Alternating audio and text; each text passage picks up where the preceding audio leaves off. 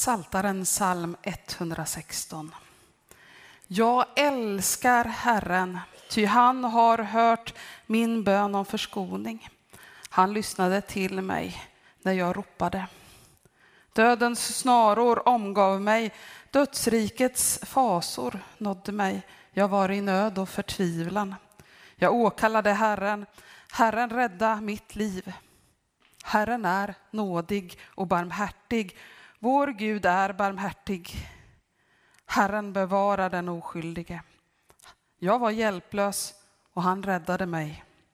Kom till ro min själ, Herren har varit god mot mig. Han räddade mig från döden, mitt öga från tårar, min fot från att snava. Jag får vandra inför Herren i de levandes länder.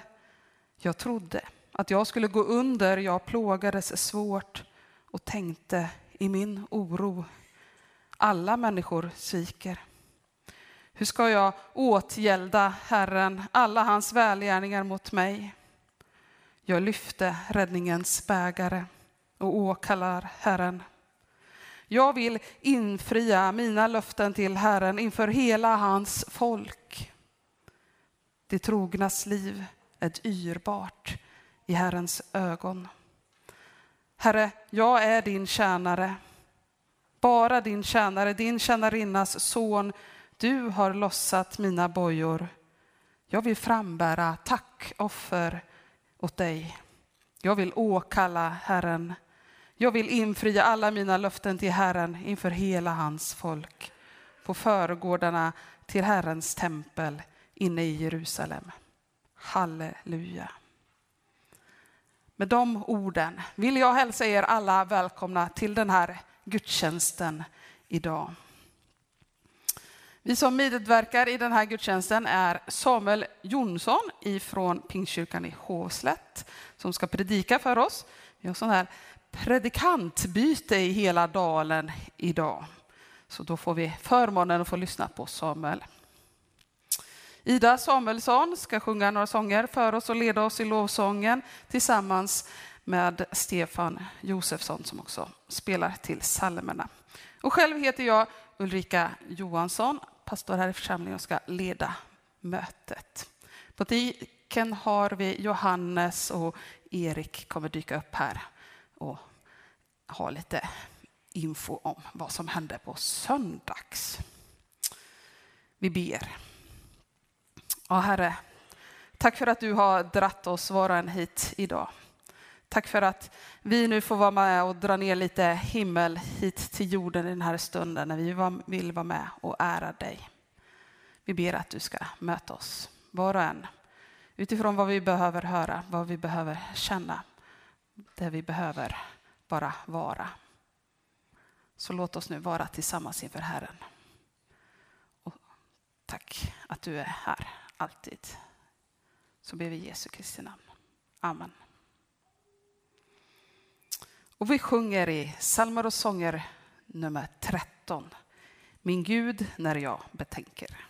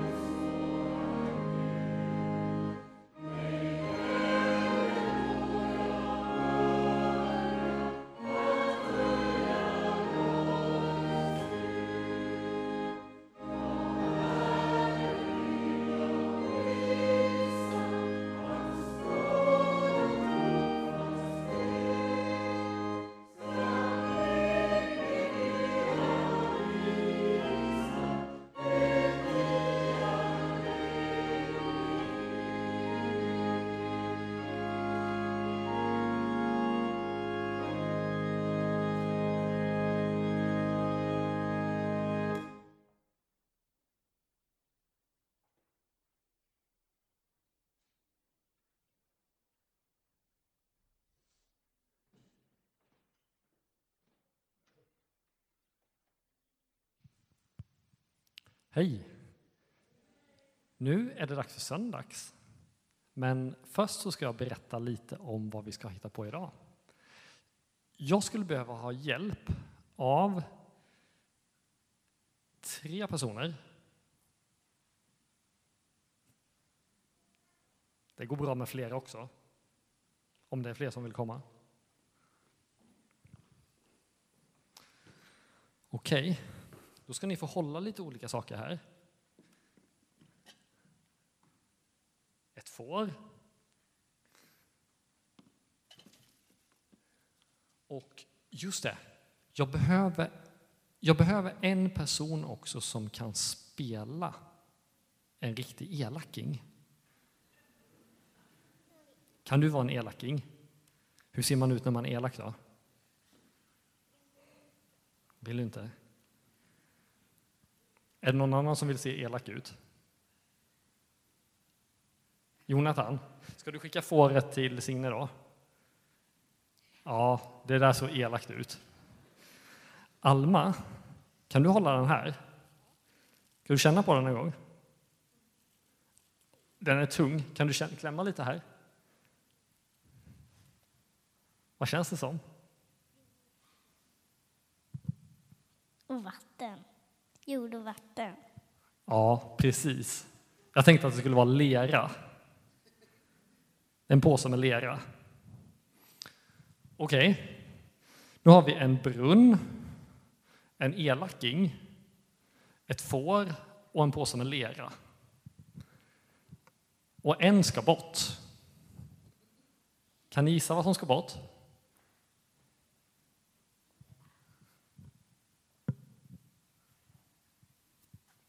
Jag tror att elakingen ska bort. Elakingen ska bort? Mm, det, det, är ett väldigt bra förslag, fast nej, det var inte rätt. Alma, vad, vad tror du ska bort? Att det är fåret. Fåret ska bort. Varför tror du fåret ska bort? Eh, för man kan hissa upp lera. För lera jag tror bara fåret ska bort. Ja, ja. Det, det, är faktiskt helt rätt. I dagens bibelberättelse så finns det en elaking, eller flera elakingar faktiskt, en brunn och i brunnen finns det lera. Och där hamnar vår huvudperson. Han blir nedkastad i brunnen av elakingarna. Om ni hänger med till söndag så får ni veta mer.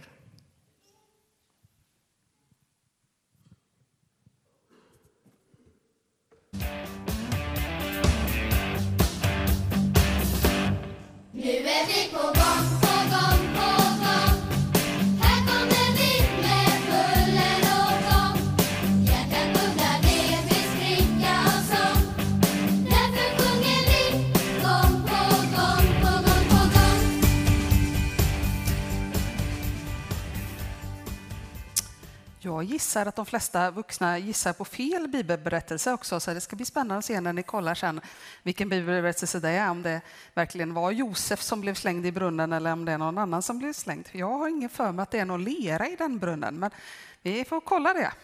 Ja, det är kanske jag som kommer ihåg fel. Så. Yes, jag tänkte jag skulle bara påminna om lite saker som händer i veckan och inte händer i veckan framöver. För det är ju novemberlov i skolorna och det gör att vi inte har någon scout. Det kan ju vara bra att observera.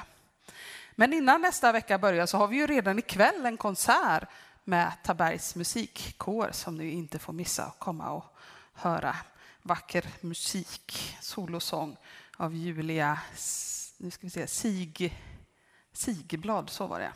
Det hade jag inte skrivit upp på min kom ihåg-lapp. Eh, däremot så är det lite extra samlingar med FF. Tonåringarna träffas lite mer istället. De tyckte det var roligare att hänga mer tillsammans istället. Så eh, det vet tonåringarna är. Men bland annat så kommer vi ha en, en hel eftermiddag och kväll här på onsdag. Och det är anmälan till den kan vara bra att komma ihåg om det är några tonåringar här som lyssnar. Sen observera att nästa helg är ju allhelgonahelgen så då har vi gudstjänst både lördag och söndag. Dubbelt så roligt, eller? Kanske. Yes. Eh, på disken ute i hallen här ute så finns det ju listor man kan skriva upp sig om man vill vara med och sälja sådana här gåvobevis för matpaket för Samhjälpens arbete. Så passera förbi där och kolla om det är någon tid som passar dig där i mitten på november ungefär. Sen har det kommit foldrar för Vemdagslägret också. Så har ni några ungdomar och tonåringar där hemma som gillar att åka skidor, ta med en folder och ge till dem. Så förhoppningsvis kan vi fylla en, fylla en buss och åka till Vemdalen på sportlovet. Och nu ska vi sjunga igen tillsammans. Eh, och vi ska sjunga nummer 31b. Låt oss glada och i tro. Och observera att det är B-varianten. som Den sjunger vi inte lika ofta som A nämligen. Så ta gärna upp en psalmbok om du vill hänga med. Eller så följer ni efter bara vad Stefan spelar. Under tiden så finns det möjlighet att swisha din gåva till församlingens arbete, ge en kollekt. Det eh, finns också möjligheten att sen på vägen ut efter gudstjänsten ge kontanter om du ge, ge din gåva med hedliga gamla pengar. Liksom så. Men alla gåvor är välkomna oavsett vilken form de kommer i. Och en del har säkert autogiro och sådana grejer som bara tickar på oavsett du är här eller inte. Och vi är tacksamma för alla gåvor, för det är ju så vi finansierar vår verksamhet. Men nu sjunger vi 31b.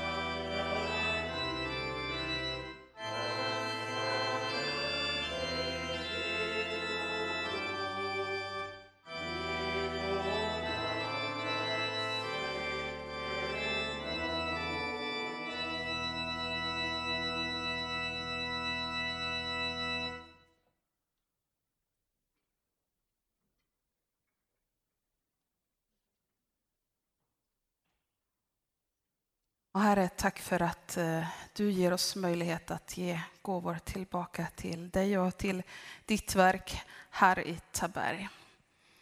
Herre, vi ber att du ska hjälpa oss som församling att förvalta dem väl. Så ber vi.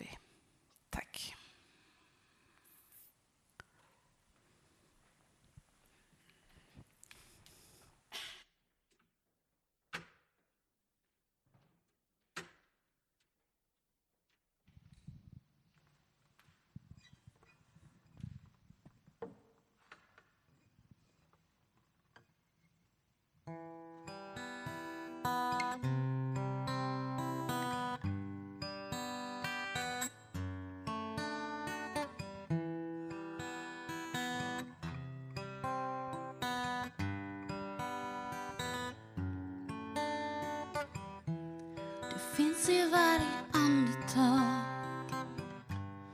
I varje steg Som himlen bär ner. Mm. Tiden den står stilla när Vi rör varann.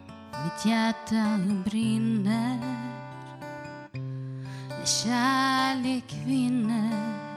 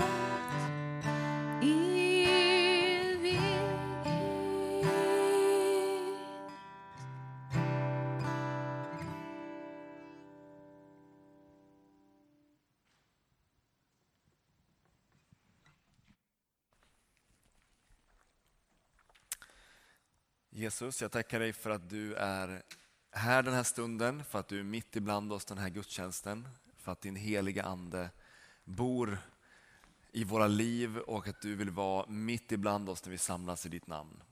Jesus, nu ber jag att du ska få tala genom ditt ord, att du ska få uppmuntra, utmana, eh, skrapa liksom på olika sidor i vårt liv som du vill, vill ta tag i och fånga tag i Jesus.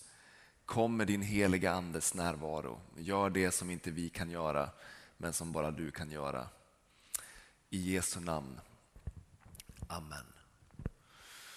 Yes, jag blev ju presenterad i början, men bara för att påminna. Samuel heter jag och är fortfarande rätt så ny, skulle man nog kunna säga, i liksom den här Dalen-området. Vi flyttade in till till Hovslätt, eller egentligen Grästorp, alltså ringarna där uppe ni vet, mitten mellan Grästorp, eller mitten mellan Hovslätt och Råslätt, för ungefär ett och ja, nästan ett och ett halvt år sedan. Vi kom nog hit tror jag, sista april eller något sånt där, så det börjar ju röra sig mot ett och ett halvt år ändå. Eh, jag är gift med Hanna och vi har två stycken tjejer, Hilda och Nelly, och eh, vi väntar faktiskt en en tredje också, så att det är en som är liksom på, på bakning, eller på att säga, i magen och är på gång att komma någonstans i, i februari, typ, slutet på februari. Eh, och jag är ju inte smålänning i botten, så att ni kanske hör någonting på min dialekt. Jag vet inte om ni kan gissa vart jag kommer ifrån. Har vi någon gissning? Nej, eller? Upp eller ner? Upp, okej. Okay. Långt upp eller lite upp? Lite upp, okej. Okay. Ja, men det är ganska helt okej okay gissat. Det är ju helt fel såklart, men det är ju, det är ju rätt så bra gissat ändå. Alltså jag, jag växte upp eh, utanför Umeå, så jag växte upp i Nordmaling, Västerbotten. Om någon vet vart det ligger, ett litet samhälle söder om Umeå. Eh, och sen så har jag bott några år uppe i Kalix som ligger egentligen på man, man liksom sveper av där från Sverige över mot Finland, så ligger Kalix där uppe. Där jobbade jag och Hanna i församling några år. Och sen har jag bott i Stockholm i 11 år innan vi flyttade hit, eller utanför Stockholm i Tyresö där jag också var, var pastor ett gäng år. Så att jag är ju egentligen långt norrifrån, men Stockholm tror jag trubbade av vissa sidor i min dialekt. Så därför så kan man säga att ni har helt rätt. Inte så långt upp, men ändå ganska långt upp. Det har liksom blivit någon form av mellan, mellansekvens där någonstans. Det var lite kort bara om mig. Jag tänkte jag skulle ta er med till en bibeltext som många menar på är den mest citerade bibeltexten i hela Bibeln. Alltså den text som återkommer på en rad olika sätt genom Gamla Testamentet, in i Nya Testamentet. En text som beskriver vem Gud är och hur Gud är. Och jag tänker att när vi läser den här texten nu och när vi går in emot den här liksom predikan, det jag ska dela med er, försök då tänka att när ni liksom lyssnar till texten, när jag sen lägger ut texten, tänk att det inte bara handlar om att vi ska få kunskap om Gud, även om det är det primära, det första. Gud vill ge kunskap om sig själv, men han gör också det för att forma oss till att bli lika honom. Så när vi försöker fånga tag på vad säger den här texten om Gud, vem han är, hur han är, så gör vi också det för att själva bli formade av han, av hans bild, av den han beskriver sig själv som. Så vi ska gå till den text som citeras mest genom hela Bibeln och det är ifrån Andra Mosebok kapitel 34 och så ska vi läsa i vers 6 till vers 8. Andra Mosebok kapitel 34 och vers 6 till vers 8. Mose befinner sig uppe på ett berg, han har bett om att få, få se Guds härlighet och så händer detta. Herren gick förbi honom och ropade Herren, Herren är en barmhärtig och nådig Gud. Sen till vrede, rik på kärlek och trofasthet. Han håller fast vid sin kärlek mot tusenden han förlåter synd och skuld och brist, men lämnar inte den, den skyldige ostraffad, utan låter straffet för fädernas skuld drabba barn och barnbarn in till tredje och fjärde led. Mose föll genast på knä, böjde sig till jorden och tillbad. Det finns många saker man skulle kunna stanna till vid i den här texten. Det finns mycket som sägs om Gud, både sånt som vi på en gång känner, det där tycker jag instinktivt är lätt att ta till mig av. Men också sånt som sägs i texten som kan kännas lite mer trubbigt.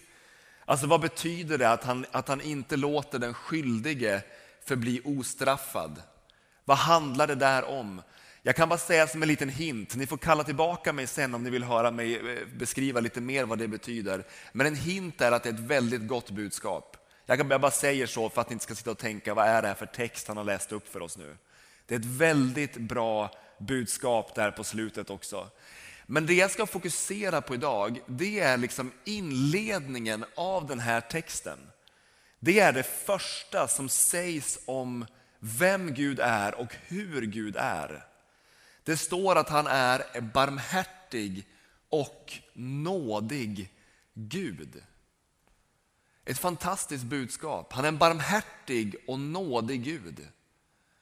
Men för att riktigt kunna få tag på hur stort och hur storslaget det här budskapet var om Gud, så måste man lite grann röra sig tillbaka till den tid då Mose fick höra de här orden. Och förstå lite grann av hur människor i allmänhet kring Moses samtid uppfattade det gudomliga och gudarna. Människor runt omkring Israels folk trodde på en rad olika gudar. De hade en rad olika gudomligheter för olika typer av ändamål. Hur uppfattade man egentligen det gudomliga i Israels samtid? Arkeologer har faktiskt hittat en hel del liksom inskriptioner och små, små, små kanske textfragment eller vad man ska kalla det för som beskriver hur människorna tänkte om det gudomliga kring den här tiden.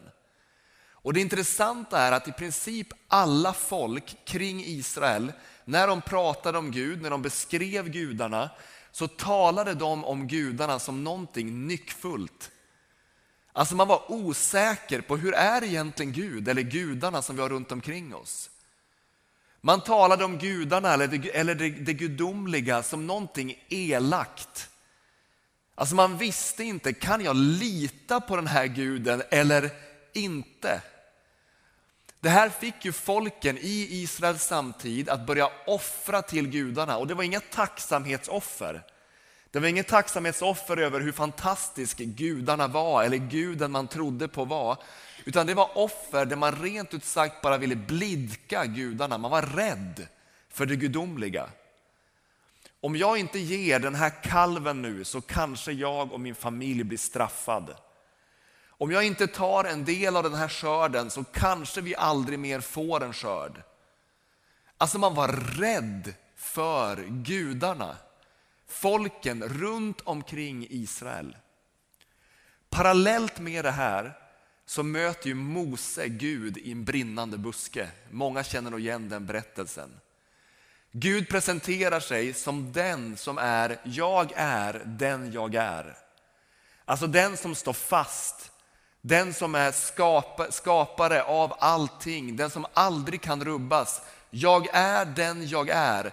Och den guden som presenterar sig på det sättet, han säger till Mose, gå tillbaka till Egypten, hjälp mitt folk ut ur slaveriet, led dem ut i frihet. Mose kommer tillbaka till Egypten och som berättelsen berättar så befriar han folket med Guds hjälp och Guds kraft, tar dem ut ur Egypten och sen märker folket hur den här guden som har befriat dem tydligen går före dem, ger dem mat att äta, ger dem vatten att dricka, har omsorg om dem. Alltså vi måste bara sätta oss in i den här situationen. Israels folk levde ju inte riktigt på det sättet med en full uppenbarelse av Gud genom Jesus Kristus. Det de hade runt omkring sig var folk som trodde på nyckfulla gudar som var elaka, retade, ställde till det för folk. Och så kommer den här guden, leder dem ut i frihet, ger dem vatten, ger dem mat. Alltså folket måste ha tänkt, vad är detta för Gud? Alltså vad har vi kommit i kontakt med för gudom? Och sen får de svaret lite längre fram när Mose hör den här rösten uppe på berget. Herren är en barmhärtig och nådig Gud. Han är en barmhärtig och nådig Gud. Det är det första de hör av vem Gud är. Och det vi ska komma ihåg det är att på den här tiden så var det så att ordningen var viktig. Alltså när någonting skulle räknas upp, det som sades först, det var det, mest, det var det som hade mest tyngd i sig. Så när ni till exempel går tillbaka till Gamla Testamentet, som jag hoppas att ni gör någon gång emellanåt, och läser något sammanhang i Gamla Testamentet, om ni kommer över någon typ av lista eller någon typ av uppräkning av någonting, en beskrivning av en person eller av Gud eller av en situation. Det som kommer först i ordningen på den listan, det är det som genomsyrar allt det andra. Alltså ordningen är viktig i ett hebreiskt tänkande. Så sägs det någonting om Gud och det kommer någonting annat efteråt så är det det första som, som främst kommer färga av sig in emot det andra. Jag tänker att det är ungefär som om du skulle försöka tänka på någon som står riktigt nära ditt liv.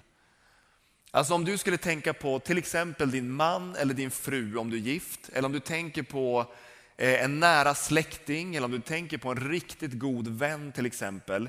Vad är det första du tänker på då? Om du tänker på, om du bara väljer en person, välj en riktigt nära vän. Vad är det första som kommer upp i huvudet när du tänker på den personen? Eller om du tänker på din man eller din fru, vad är det första som kommer upp i huvudet när du tänker på den personen? Jag hoppas ni tänker goda tankar nu. Annars får ni be om själavård här efteråt med, med pastorn här. Men jag tänker att oftast så finns det någonting som kommer först. Och det första som kommer, det är inte allting man kan säga om den personen du tänkte på. Om det första du tänkte på var att den här personen är humoristisk, eller den här personen är optimistisk, eller den här personen är nyfiken, så är inte det allting som går att säga om den personen. Men troligtvis så kommer det där första som kommer upp i huvudet vara det som liksom genomsyrar den personen, vad den än går igenom. En riktigt optimistisk person är ju oftast hyfsat optimistisk även när det kommer motgångar. Ja, men det finns en väg igenom det här, men vi kommer lösa det här på något sätt. Eller en riktigt nyfiken person kommer ju alltid vara mer eller mindre nyfiken var den än kommer att möta. Oavsett om det är positivt, negativt eller någonstans mitt emellan. Ordningen spelar roll. Så när Gud beskrivs som en barmhärtig och nådig Gud så betyder inte det att de andra sakerna som sades i texten inte spelar roll, att de är mindre viktiga. Men det betyder att nåden och barmhärtigheten alltid kommer att väga över i mötet med människor. Det är som att Gud bara står och väntar på att få visa barmhärtighet och nåd emot folk. Han längtar efter att få göra det, han står och väger hela tiden, väntar på en glugg att få ge det till oss och ge det till människor runt omkring oss. Det kan vara värt att bara fundera på vad barmhärtighet och nåd faktiskt betyder. Barmhärtighet kommer från hebreiskans rahum. Och det skulle man kunna beskriva som ett känsloord. Alltså det är ett ord som beskriver stark känsla gentemot någon annan. Det är ungefär, ungefär att jämföra med en förälders känslor mot sitt barn. Du som har barn i det här rummet vet att det finns ingen starkare känsla än den man har för sitt barn. Jag känner inte lika starkt för min fru, även om jag älskar henne. Jag känner inte lika starkt för de närmsta vänner jag har, även om de är fantastiska. Jag känner inte lika starkt ens för mina egna föräldrar tillbaka, även om de är helt underbara också.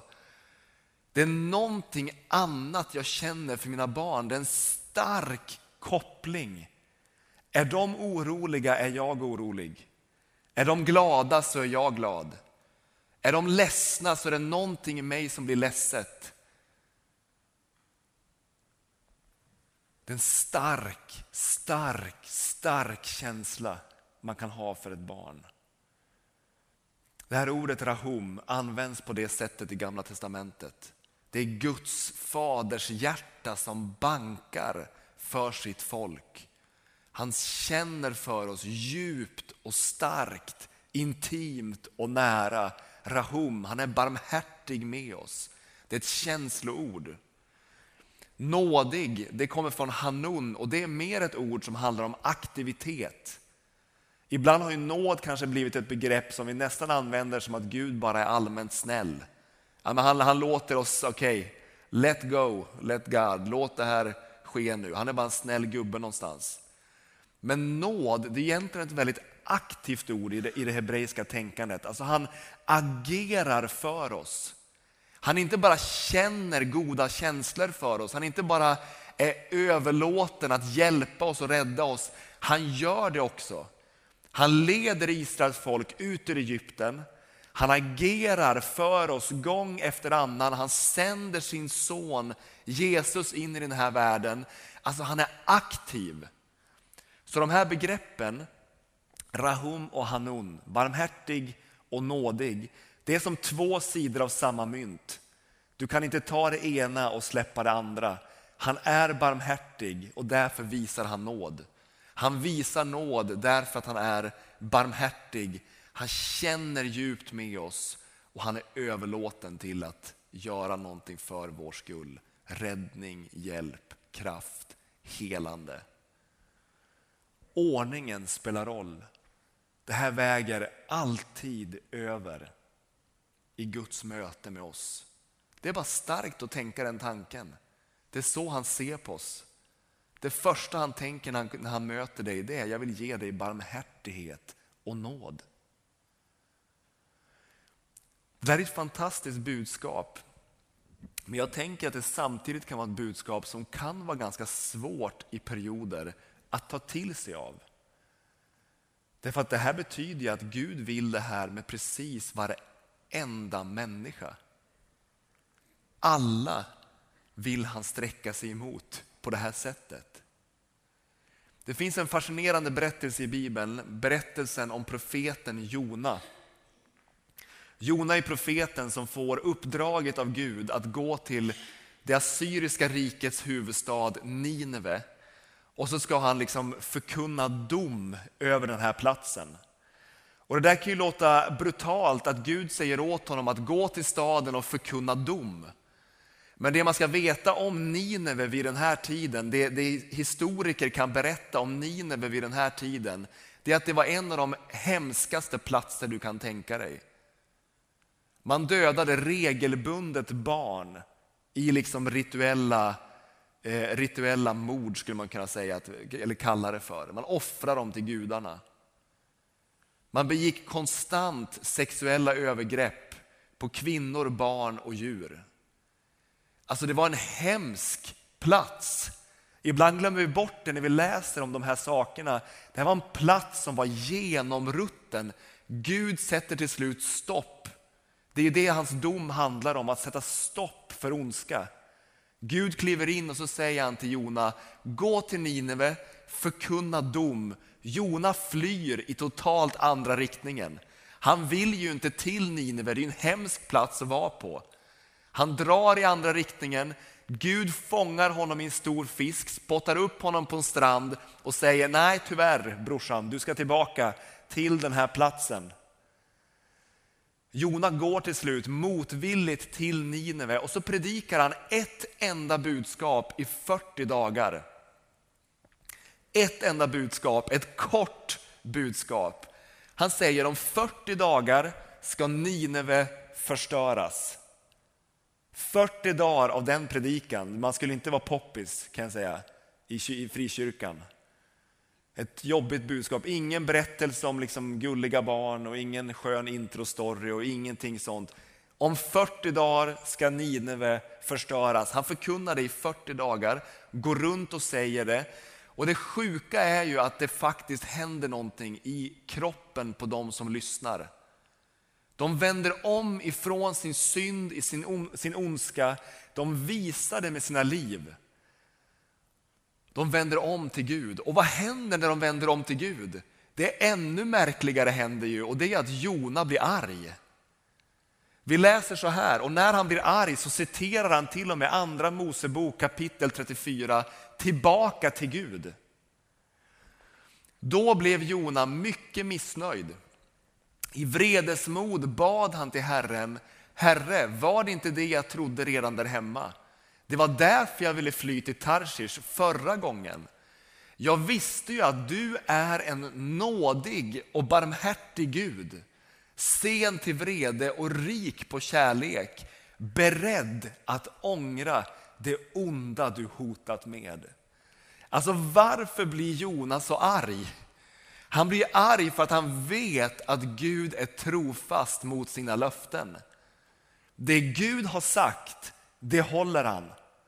Om Gud har sagt att han är nådig och barmhärtig, att det är det han alltid vill visa oss, att han lutar liksom alltid på kanten till att få ge oss nåd och barmhärtighet, då stämmer det.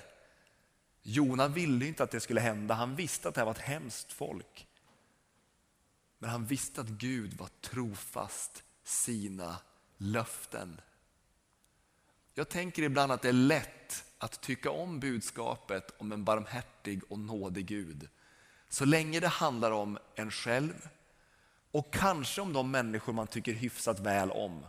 Ja, men det är bra att du är barmhärtig mot min mamma här borta och mina vänner och de som är schyssta i kyrkan och de här personerna. Men det kan ibland vara mer utmanande även för oss när Gud ger av sin välsignelse, sin nåd, även till de personer som vi har riktigt svårt för. Men det är precis det Jesus vill utmana oss in i. Han säger så här i Matteus kapitel 5 och 43-45. Ni har hört att det blev sagt, du ska älska dina, din nästa och hata din fiende.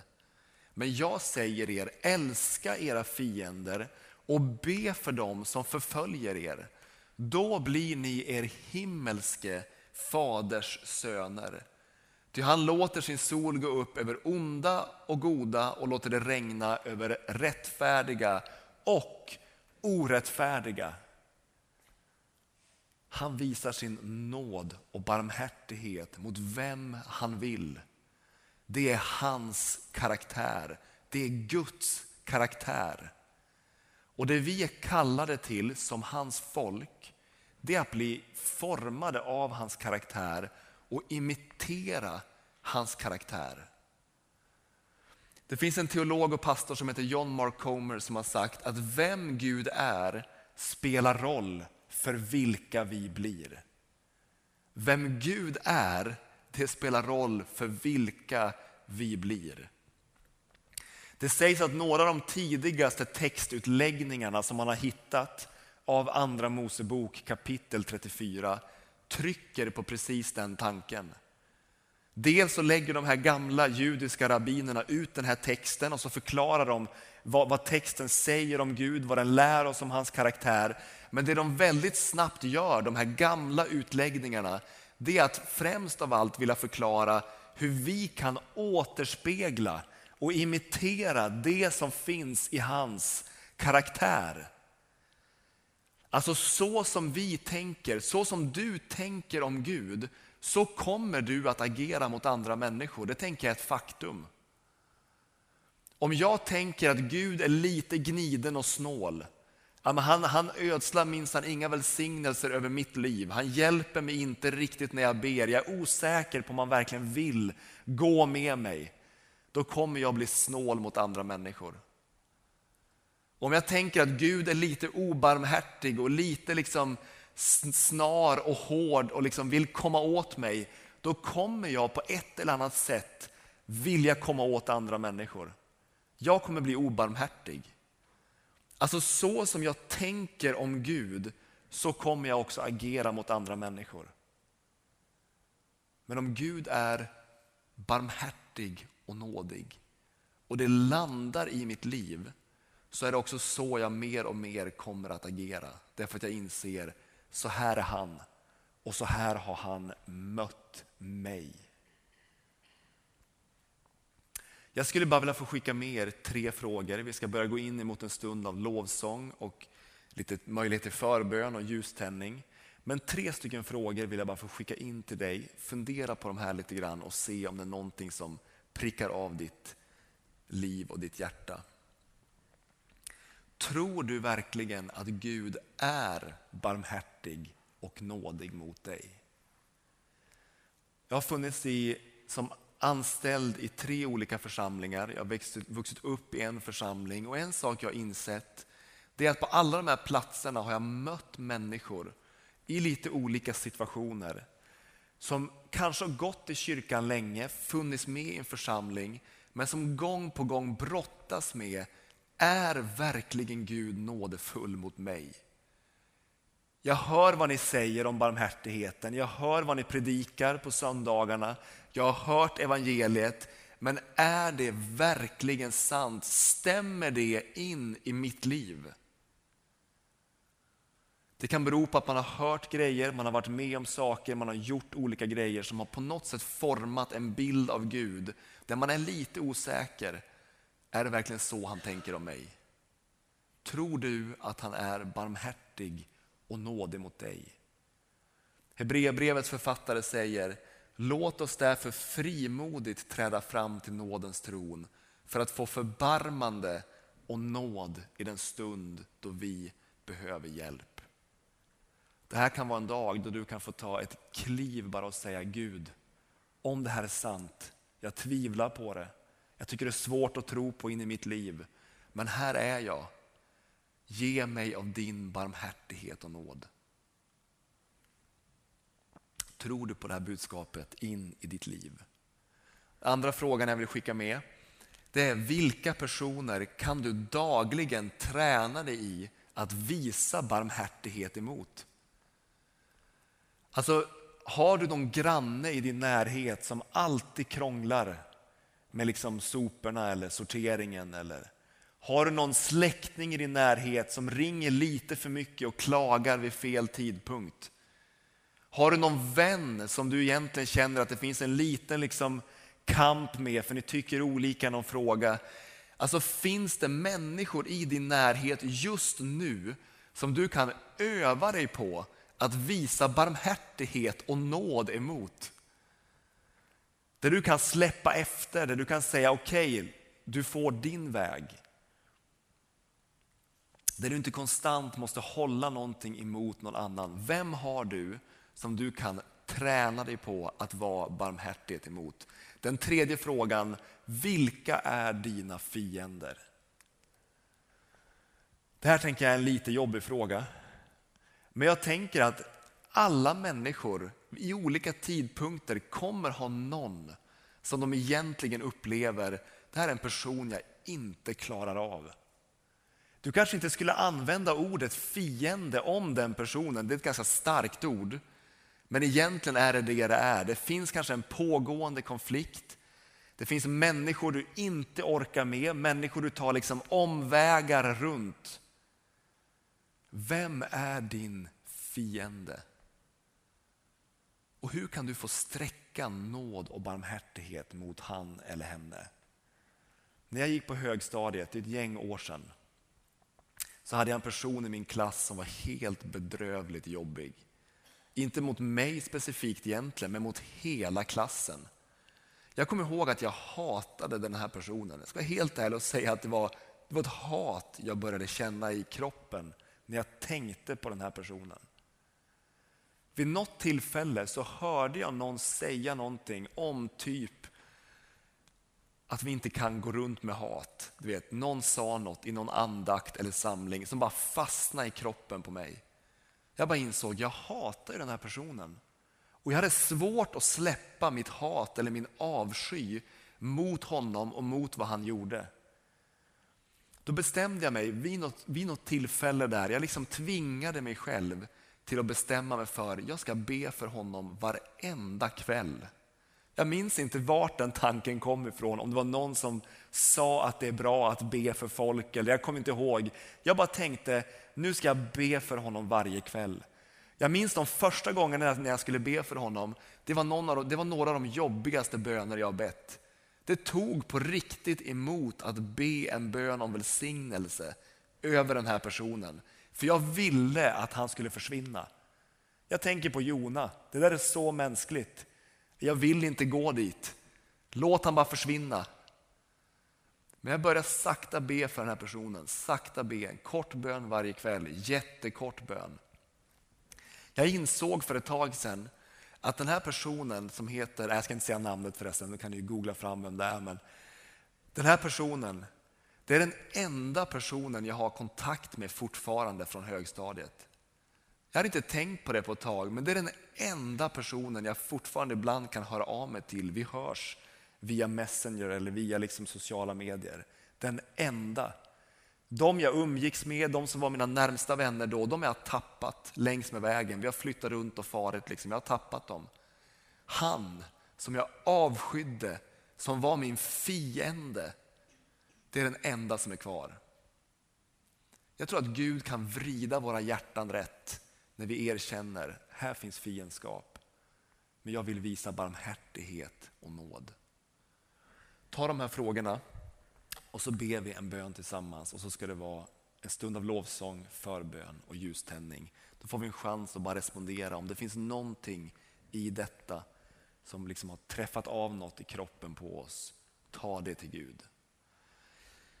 Jesus, jag tackar dig för att du är den som kan under den här stunden tala in i våra liv. Om det finns någon fiende vi går runt med, någon vi har oerhört svårt för. Jesus, då ber jag att vi ska få ta den personen, lägga fram honom eller henne inför dig.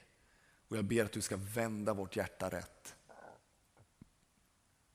Forma oss lik, till att bli lika dig, forma oss till att visa barmhärtighet och nåd. Herre, jag ber också att du ska visa för oss människor vi har runt omkring oss som vi kan praktisera barmhärtighet och nåd på varenda dag. Hjälp oss att växa sakta men säkert till mer av likhet med dig Jesus. Och jag ber djupast sett Gud, om det finns någon i det här rummet som kan brottas lite grann med tanken på, men är du verkligen nådefull och barmhärtig mot mig? Jag hör vad som sägs men det är svårt att ta till mig. Gud, då ber jag att du ska komma genom din heliga Ande. Och att du bara ska bevisa och överbevisa om din faders kärlek och din möjlighet att sätta oss i kontakt med Gud själv den här stunden. Vi bjuder in dig att göra det, vi bjuder in dig att göra ditt verk. I Jesu namn. Amen.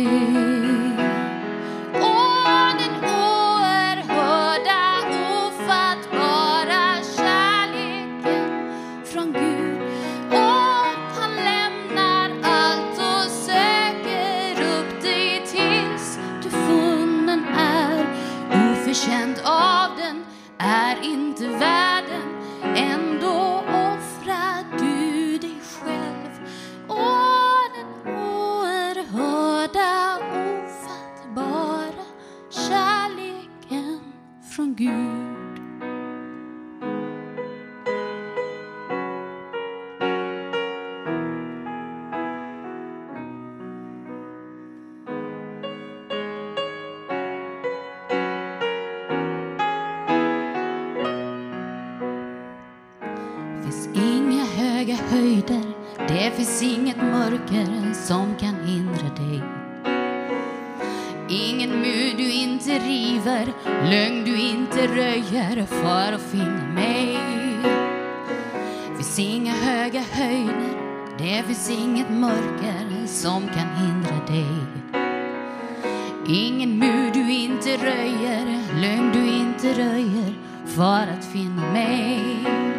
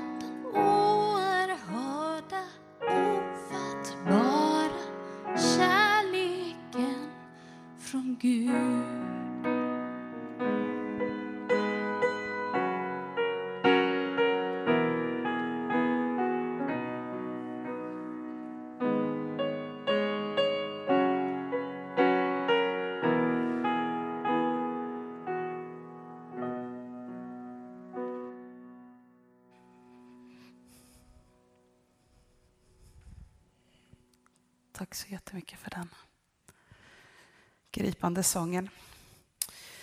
Ehm, Samuel ska alldeles strax gå, så även om det känns att jag bryter stämningen här lite så vill jag tacka så mycket att du hade möjlighet att komma hit idag. Så får ni väl skicka ett mejl till honom och tacka för predikan. Eller en, lit, vad sa du? en liten stund har du möjlighet. Ja, kanske. Okej. Jag trodde du var tvungen att gå här nu snart. Men så kan det vara. Eh, yes. Vi eh, ska ha en förbönstund nu som, som Samuel sa. Och eh, känn att du får i den här stunden ta emot den här ofattbara kärleken. Den här barmhärtigheten och, och nåden som man bara vill från korset som ni har här omfamna dig här och nu idag. Och ta också emot uppmaningen att, att fundera på vem skulle jag behöva vara lite mer barmhärtig och nådig emot? Kanske du vill göra det konkret genom att skriva namnet på den personen. Och, och, och ta och, vi har en liten papperskorg där bredvid lapparna och liksom kasta ifrån dig den bördan som du bär på att, att du har svårt för den här personen och be Gud, hjälp mig ta hand om det här. Hjälp mig att vara mer barmhärtig och nådig och visa kärlek även mot den där medmänniskan jag har så svårt för. Så vi är i lovsång. Förbönsplatsen är öppen. Finns tillgängliga för personlig förbön för den som vill. Och känner du att det där som jag bär på det behöver vi prata lite mer om så, så hoppas jag att ni vet att Daniel och jag finns tillgängliga för själavård kallar vi det för, enskilda samtal. Det behöver inte vara så formellt, det går att ta en liten promenad och bara bolla lite saker som ligger på våra hjärtan vi måste kanske reda upp någonting om. Vi börjar med att sjunga 830, din trofasta kärlek och sen så sjunger vi vidare några sånger.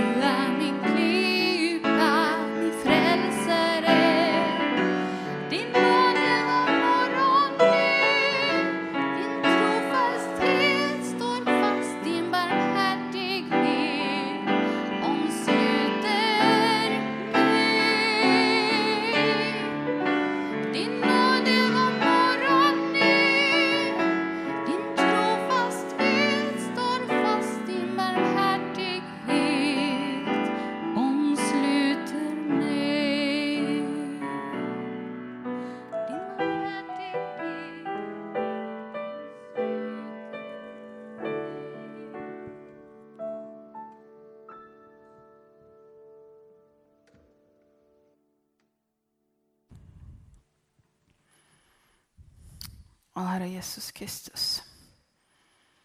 Tack för att, att du har visat ännu mer konkret än vad vi kanske ibland märker av Gud. Vad som är barmhärtighet, vad som är nåd. Hur kärlek ser ut den dag du dog på ett kors för oss. Jesus, tack för att du, du ville ställa dig i Guds tjänst att, att vara med och, och ställa oss i rätt förhållande till Gud. Tack att vi genom dig kan få, få lära oss vad riktig kärlek är. Och Herre, du vet vad vi, vi har bett om i den här stunden. Du vet vilka tankar som, som väckte i oss när vi hörde Samuels frågor förut. Du vet om det dök upp namn i våra huvuden, situationer, saker som, som vi behöver din hjälp med att, att reda ut. Där du behöver lära oss ännu mer om vad barmhärtighet och nåd är för något. Herre, tack för att du är med och, och petar lite på våra sår ibland. För att de ska kunna läka. Så Herre, jag ber att du ska, ska hjälpa oss att, att ta tag i brustna relationer. Att läka det som, som gör ont i oss. Herre, hjälp oss att förstå hur våra hjärtan kan vändas om genom att vi, vi gör som Samuel sa, att vi, vi börjar be för dem vi har svårt för. Herre, tack för den kraften som finns i kärleken, barmhärtigheten, nåden och vad det gör med oss när vi börjar tänka så om våra medmänniskor. Herre, du, du vet vad de ljus vi har tänkt, vad de står för. Du vet vad som står på de här lapparna i, i bönekorgen och vi ber att du ska, ska ta hand om det. Bryta in i de situationer. Du vet namnen på människorna vi alltid har kastat i den där korgen, med, kastat ifrån oss den bördan eller vi som kanske inte vågade göra det. Du vet. Kom och hjälp oss Herre. Var med oss. Så vill jag också be den här veckan för, för alla, alla barn som nu går på skollov. Herre, jag ber att du, du ska vara med dem som är ute på resande fot. Att, att resorna ska, ska gå bra, att det inte ska hända någonting. Herre, vi ber för goda möten med farmor och farfar och mormor och morfar som är rätt vanligt när det är skollov. Men Herre, vi ber också för alla de barn som, som kommer sakna att gå på, till skolan imorgon. För att det är tryggare att gå till skolan än att vara hemma. Så Herre, jag ber att du ska, ska beskydda barn som är oroliga när det inte är, är, som vanligt. Herre, vi ber för barn som kanske får mindre mat i veckan för att de inte får lunch i skolan. Herre, jag ber för dem som kommer sakna rutinerna. Men vi ber också om, om god vila för de alla stressade barn och ungdomar som finns. Att de ska kunna ta en paus.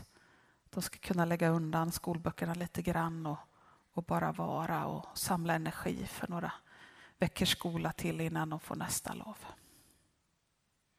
Herre, var med alla, alla skolbarn här i Taberg. Så ber vi också för, för våra kyrkor här i dalen. Du ser vad var och en av våra församlingar står i.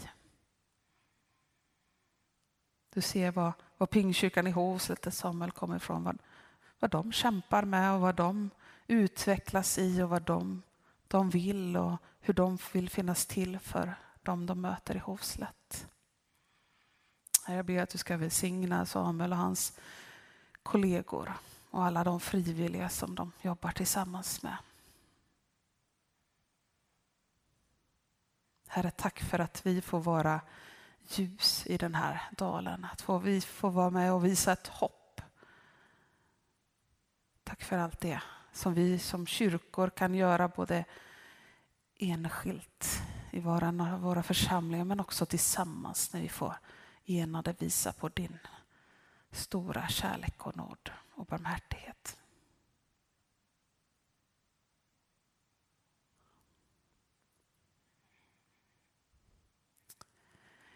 Är det någon annan här som har något som vill dela?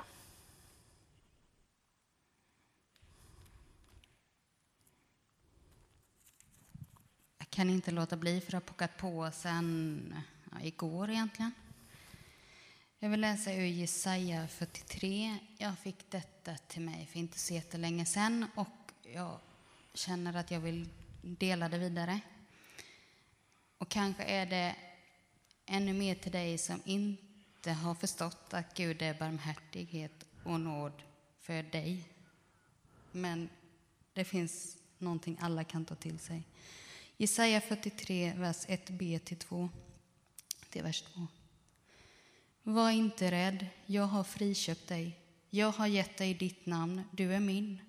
När du går genom vatten är jag med dig. Vattenmassorna ska inte dränka dig. När du går genom eld ska du inte bli svedd. Lågorna ska inte bränna dig.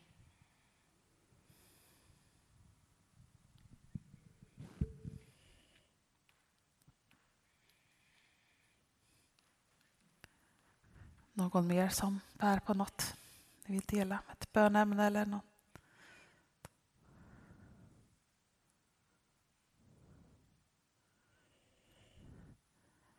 Då går vi vidare och så ska vi innan ni får del av välsignelsen sjunga en gemensam sång till. Psalmer och sånger nummer 343. Hur skall jag prisa dig, min Gud? 3, 3, 4 skulle det vara.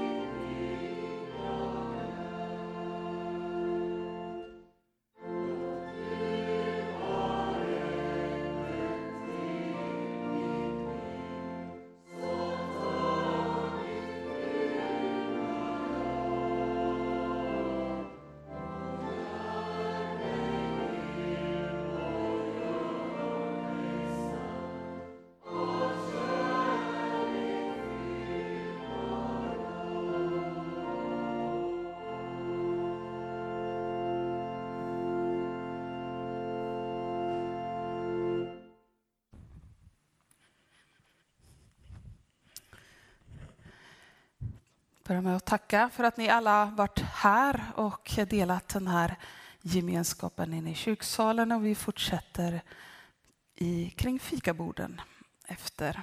Och tack igen Samuel. Och det är ju det är konstigt med tider idag så det var ju inte först 12 du skulle gå, inte 11 som jag blandade ihop det. Så, så då hinner ni ju tacka honom också.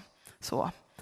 Men för det som ligger framför dig i ditt liv, när du går ut i din vardag, i ditt skolelov och vad du går ut till när du lämnar den här kyrkan. För allt det, ta emot Herrens välsignelse. Herren välsignar dig och beskyddar dig. Herren låter sitt ansikte lysa över dig och visa dig nåd. Herren vänder sitt ansikte till dig och ger dig av sin fred och sin frid. I Faderns och Sonens och den helige Andens namn. Amen.